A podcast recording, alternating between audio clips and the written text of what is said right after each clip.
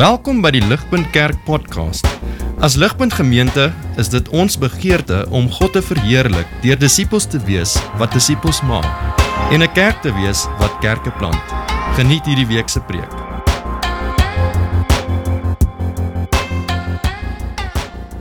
Nou, soos meeste reeds weet, is ons besig met ons reeks oor heilige gemeenskap.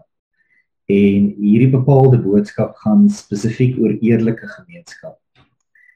Nou daar is seker baie wat mens kan sê daaroor, maar ons sal in hierdie boodskap uh aan net so 'n paar aspekte daarvan raak soos wat uh 1 Johannes 1 vers 5 tot 9 daarvan praat. En julle is welkom om dit in julle eie Bybels byderhand te hou. Uh nou ek het dit goed gedink om ons na hierdie tema van eerlike gemeenskap te bring deur 'n gedig wat Eugene Maree in 1910 rond geskryf het toe hy alleen in die bos gaan bly het vir 6 maande. Uh dis nou noord van die Waterberge daar naby Nylstroom verby. Ek gaan die gedig vir ons lees en um, dan tel ons dit van daar af op. Die gedig lees: Daar sal ek vrede weer besef. Waar smorens van die hoogste kraans die berg gaan draaiend opwaarts spoed om uit die gloeiende hemeltrans met groot geroep die son te groet waar treurig nog die wolk gehuil weer klankend in die klowe dwaal en groot wild om die syfer kuil as skadu's in 'n stofwolk maal. Nou julle hierdie is 'n gedig van vrede in die stil en die aangrypende plekke van die natuur. Maar hierdie is eintlik 'n gedig van vrede soek weg van mense af. Uh, dis nie per toeval dat oom Maree vir 6 maande alleen in die bos gaan bly het. Jy weet waar tydens hy hierdie gedig geskryf het. Nie. Hy wou wegkom van sy mense in die Waterberge af. Nou die mense in die Waterberge was sy gemeenskap waar hy gebly het en hy het gevlug van hulle af omdat hulle gesien het hoe ernstig sy dwelmprobleem is. Nou wat gebeur het is dit uh, op 'n jagtrip saam sy pelle uit die Waterberge het uh, Eugene se morfine voorraad opgeraak en dit het hom amper dood gemaak want hy was verslaaf daaraan. Dit was so erg dat die hele jagtrip tot stilstand moes kom en sy pelle dwelms moes gaan soek het vir hom wat hulle daar te perk gevat het om te kry. So skielik was Eugene Maree hierdie gesiene dokter van die Waterberge 'n baie swak man met groot probleme in sy lewe. En dit het hom laat vlug van sy mense af na die bos toe om vrede te gaan soek daar waar soos hy in sy gedig skryf die berg gaan opwaarts spoed uh waar die wolf gehuil en die klowe dwaal en waar die groot wild in 'n stofwolk maal. Nou ouma Res is ons kan optel in die gedig het het eintlik probeer wegkruip in hierdie dinge. Hy het eerder vrede in hierdie dinge gaan soek as om voort te lewe in 'n gemeenskap wat sy probleme ken. En julle dit is waarom hierdie gedig so met my gepraat het toe ek dit die eerste keer gelees het. Uh, want ek wil ook soms wegkom van myself af en van God af en van my huwelik af en van my kinders af en van my familie af en van my skoonfamilie af en van my vriende en van my kerk af. Nou dit is seker goed om soms weg te raak in die bos.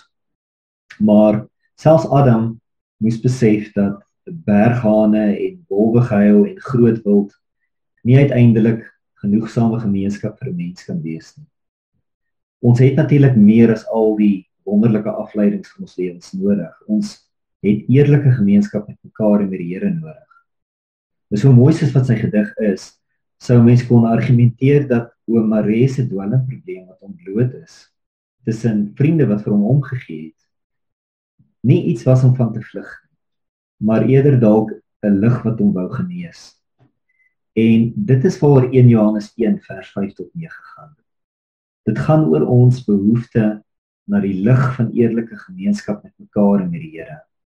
God se eerlikheid teenoor ons, ons eerlikheid terug teenoor hom, teenoor onsself en dan teenoor mekaar. Uh, dit is die nodige lig waarin God reddend met ons lewens wil werk. En dit is waar 1 Johannes 1 vers 5 tot 9 gaan. Kyk saam met my na vers 5 waar ons gedeelte begin. God is lig en daar is geen duisternis in hom nie. Nou God word hier beskryf as lig sonder duisternis. Hierdie is nie 'n letterlike stelling oor God nie. God is nie letterlik lig nie. God is letterlik God. Die stelling is eerder 'n metaforiese beskrywing van 'n eienskap van God. Die eienskap is dit: God is eerlik. Met ander woorde, ons kan nie in verhouding met God lewe sonder dat God eerlik gaan wees met ons nie. Dit is wat dit beteken dat God lig is, dat daar geen duisternis in is nie. Nou hierdie lig, uh, hierdie eerlikheid van God kan natuurlik bedreigend wees vir ons. Leonard Cohen het destyds in een van sy liedjies gesing: Myself I long for love and light, but must it come so cruel and oh so bright? En dis dikwels die probleem met eerlikheid. It can come so cruel and oh so bright. Dit kan wreed en aanvallend wees. Die lig kan te skerp wees. Nou verlede jaar het ons by 'n kwekery op een van die plotte naby ons 'n paar plantjies gaan koop. Nou ek en my seun Ruben het toe so 'n paar ou stukkies boombas van die eienaar van die plot se dennebome op die erf. Jy weet waar die kwekery is? Gaan aftrek vir ons orgidee by die huis. Uh nou ons het al so 'n paar keer voorheen vir hom toestemming gevra om dit te doen en hy was altyd gaaf daaroor. Maar ons het nie hierdie bepaalde dag sy toestemming gevra nie. En uh dit het ook nie gelyk of hy daar is nie. Uh, ek het aangeneem hy sou nie omgee nie en dit was natuurlik verkeerd vir my. Uh die ou van die kwekery het my toe genader en my eerlik gevra of ek toestemming gekry het van die eienaar om pas van sy bome af te trek. En ek besef toe dat ek verkeerd opgetree het. Ek moes eers toestemming gaan vra al het ek dit voorheen reeds gaan doen. So ek vra toe om verskoning. Ek verduidelik die aanname wat ek gemaak het en ek stel te voor dat ek self met die eienaar verder gaan gesels hieroor. Maar die ou van die kwekery was klaar kwaad. Meer om verskoning ek probeer vra, toe meer het hy my begin vloek en uh uh hy toe uiteindelik op my begin skree dat ek die slegste mens onder die son is. Uh, hy het natuurlik sy eie optrede vir dit begin opmaak. Maar uh, hy jaag toe vir my en my seun Ruben uh, se muur van die erf af. Uh, ons het toe maar die plantjies wat ons by hom gekoop het in sy hande teruggegee en maar weggestap en nooit weer iets daar gaan koop. Want sulke eerlikheid soek ons regtig nie in ons lewens of in ons tuin nie. Uh, die man se lig was so skerp dat ons gevoel het selfs die plantjies wat ons wou gekoop het is versproei. Maar julle die punt wat ek wil maak is dat God se eerlikheid nie so werk nie. Uh, God se eerlikheid werk anders met ons. Deur die kruis van Jesus ontbloot God ons lewens. Hy is eerlik met ons. Dit is tog ons wat daar moet hang en veroordeel word vir alles wat ons verkeerd doen. Maar die kruis van Jesus ontbloot ook God se genade en sy liefde vir Dit is Jesus wat daar raak en veroordeel word vir alles wat ons verkeerd doen. En God is met ander woorde eerlik met ons deur die bloed van sy seun Jesus. God se eerlikheid kom na ons toe deur genade en deur liefde. En soos 'n vriend aan my genoem het uh, deur verlede week toe ons oor hierdie uh, onderwerp gesels, uh o, so met ander woorde, God se lig is helder maar sag. En dis presies die punt. Luister na 1 Johannes 1 vers 6 en 7. As ons sê dat ons aan hom verbonde is tog in die duisternis leef, lieg ons en leef ons nie volgens die waarheid nie. Maar as ons in die lig leef soos wat hy in die lig is, is ons aan mekaar verbonde en reinig die bloed van Jesus sy seun ons van elke sonde.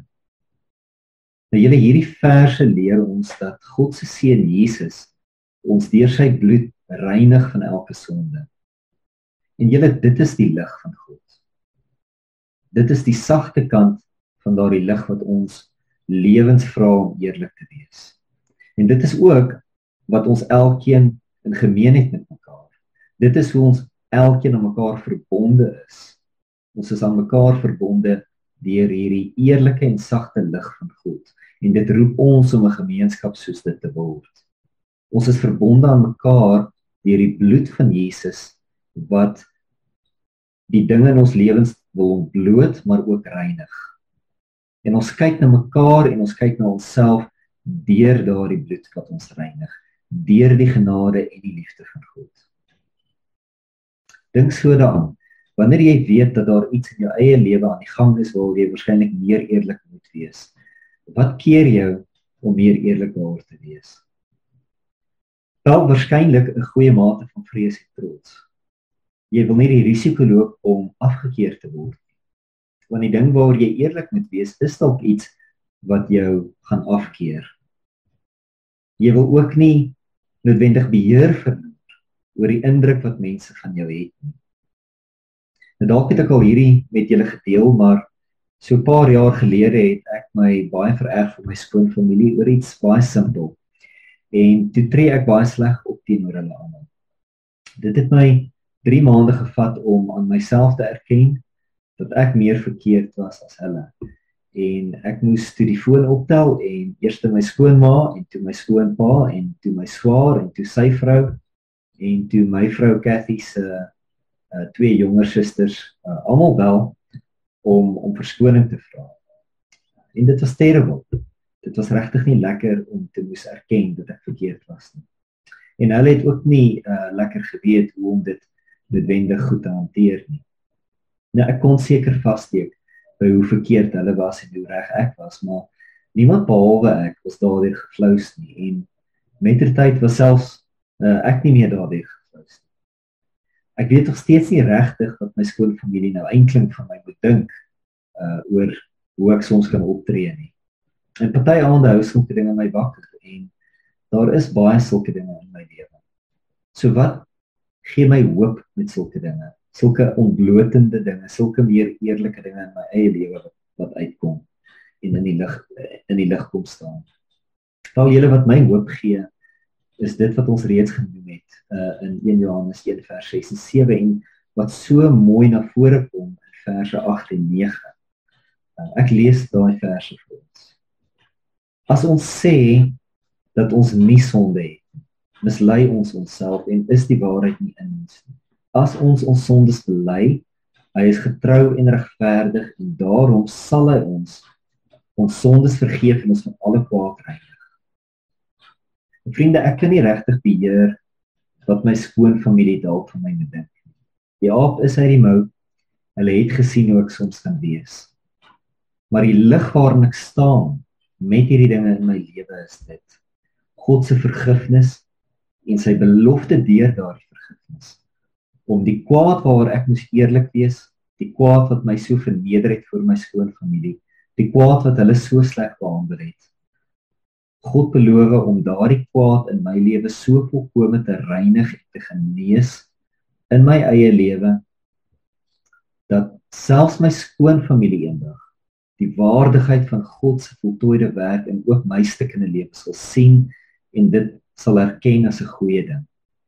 En vriende, dit is die lig waarin God ons vra om te durf eerlik wees oor dinge waaroor ons moet eerlik wees. Dinge wat ons die risiko gaan laat loop om afgekeur te word. Dinge wat ons beheer gaan laat verloor oor wat mense van ons dink. Maar ook dinge wat God ons vergewe en ook dinge wat hy so gaan reinig in ons lewens dat die ganse skepping die waardigheid van sy werk in ons lewens sal erken as goed en God sal loof daarvoor.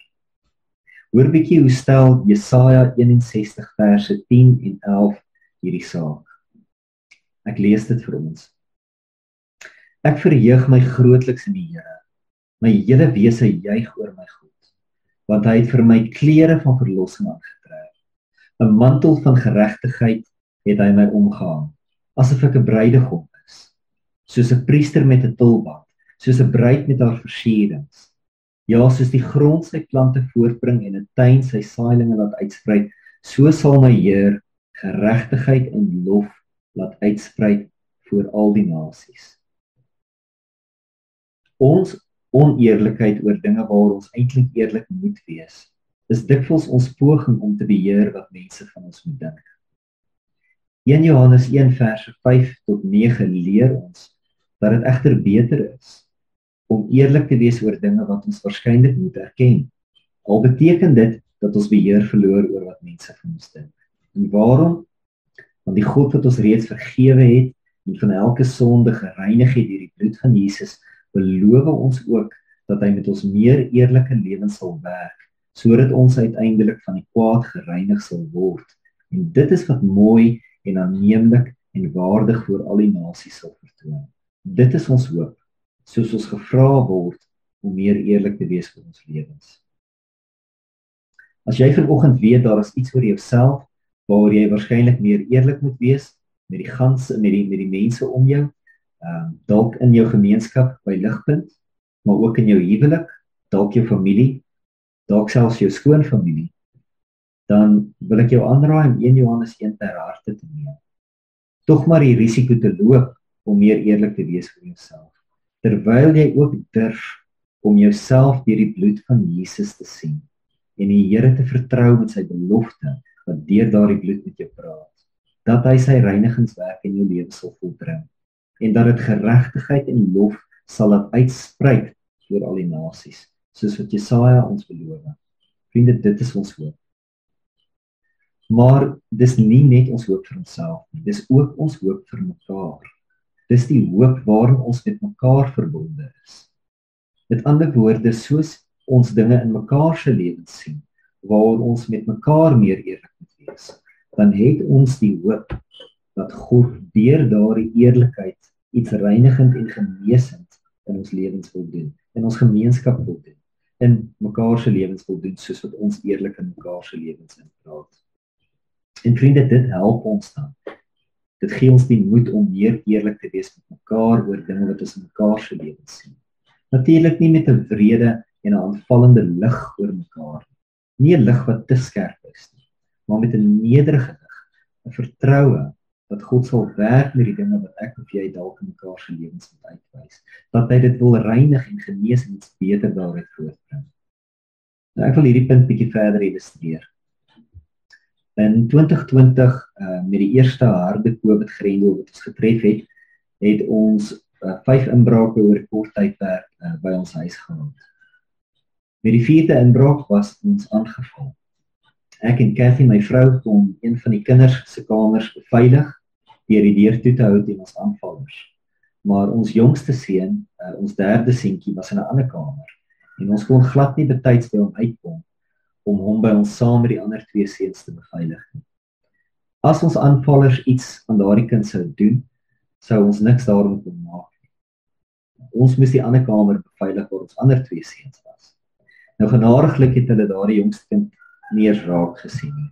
Uh, ons was waarskynlik maar net in hulle pad toe hulle ons huis binne tree om, om ons huis te stroop. En toe ons onsself beveilig, toe gaan hulle aan en stroop maar die huis.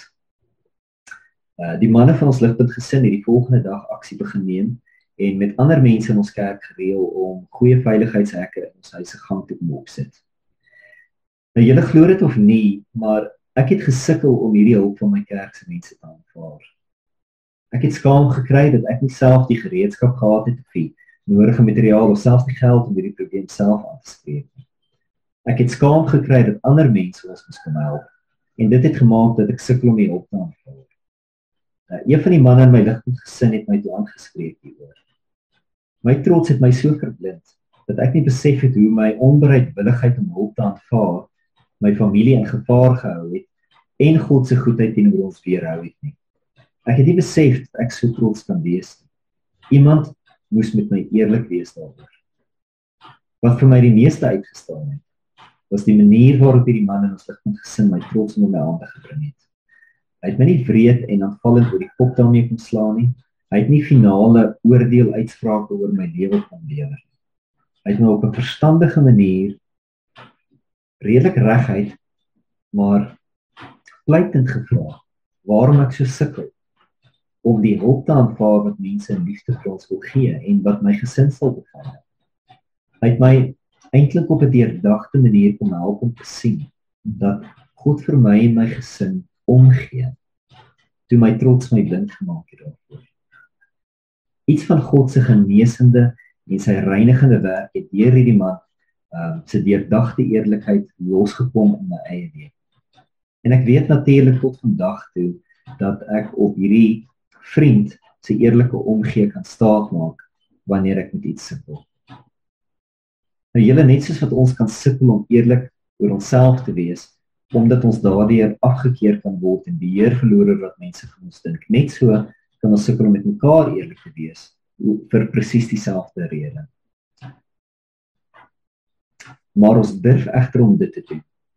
Want ons kyk na onsself en ons kyk na mekaar deur die bloed van Jesus. En daarom het ons 'n hoop vir onsself en ook vir mekaar, die hoop dat God deur ons eerlikheid met mekaar, ons deurdagte eerlikheid met iets reinigend en genesend in ons lewens gaan doen. As jy vanoggend weet daar is iets in iemand anders se lewe waaroor jy waarskynlik meer eerlik met daardie persoon moet wees, wil ek jou aanraai om 1 Johannes 1 ter harte te neem. Die risiko tog maar te loop om meer eerlik met daardie persoon te wees. Maar maak dan ook seker dat jy net daardie persoon deur die bloed van Jesus kyk en vra jouself hoe jou eerlikheid iets van God se reinigende werk in daardie persoon se lewe kan byvoeg of uitwys of aanhelp So waak jy teen breed en afvallend en verdoemend wees. En soek jy eerder die aanknopingspunte tot God se goeie werk in mense se lewens. En vriende, dit is ons hoop. Dis 1 Johannes 1 vers 9. Om af te sluit 'n paar maande na Eugene Maredi Bosse gevlug het, een van sy vriende na hom toe uitgereik met 'n brief waar waarin hy in Engels geskryf het: Eugene, life is real. Life is earnest. Life is not an empty dream. Dit was 'n mooi eerlikheid van 'n vriend. Oor die feit dat die bos so wonderlik soos wat dit kan wees, nie 'n plaasvervanger is vir 'n gemeenskap mense wat eg en opreg bystand sal gee. En uh eerlikheid sal bied wat opbouend is vir ons. Julle dit is al gedagtes wat ek wil deel met ons en ehm um, ons hoop van harte dat hierdie uh gedagtes oor gemeenskap, oor eerlike gemeenskap vir almal opbouend kan wees en vir almal kan help uh om 'n gesonde kerk te wees. Baie dankie vir julle tyd en julle aandag. Vir meer inligting oor Ligpunt Kerk, besoek gerus ons webwerf op www.ligpunt.com of kontak ons gerus by info@ligpunt.com